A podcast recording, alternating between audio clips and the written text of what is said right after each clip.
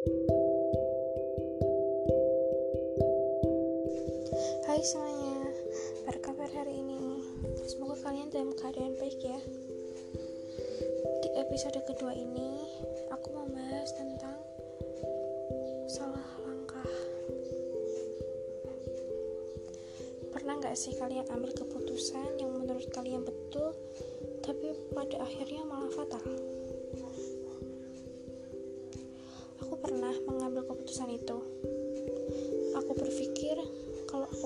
Demi kebaikan.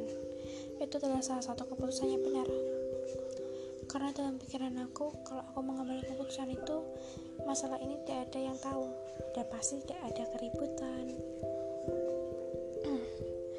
Memang saat aku ambil keputusan itu sangat takut di ke depannya aku takut kalau ketahuan. Dan aku takut jadi fatal. Dan berjalannya waktu ketakutan sama ini jadi juga. Tidak ada yang tahu. Tiba-tiba masalah itu terbongkar dengan sendirinya. Aku juga gak nyangka orang yang masalahnya aku tutupi itu malah melakukan yang lebih kejam. Dan aku berpikir berarti selama ini aku menutupi kebohongan yang seharusnya tidak aku tutupi. Tapi setelah masalah itu terjadi dan beriring waktu, aku mulai memaafkan orang itu.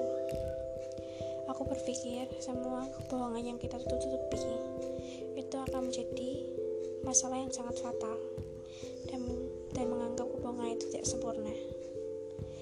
Jadi kalau kalian masih ada kebohongan yang ditutupi, mending bilang surat itu untuk kebaikan daripada nantinya jadi fatal dan ini kita yang repot sendiri oh iya ingat ya.